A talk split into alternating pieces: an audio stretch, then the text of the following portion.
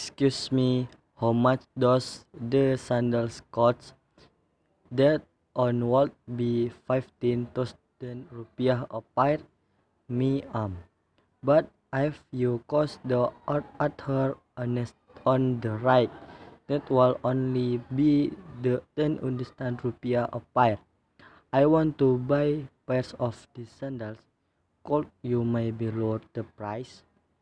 I I can give you the two pairs of sandals for twenty-five thousand rupiah.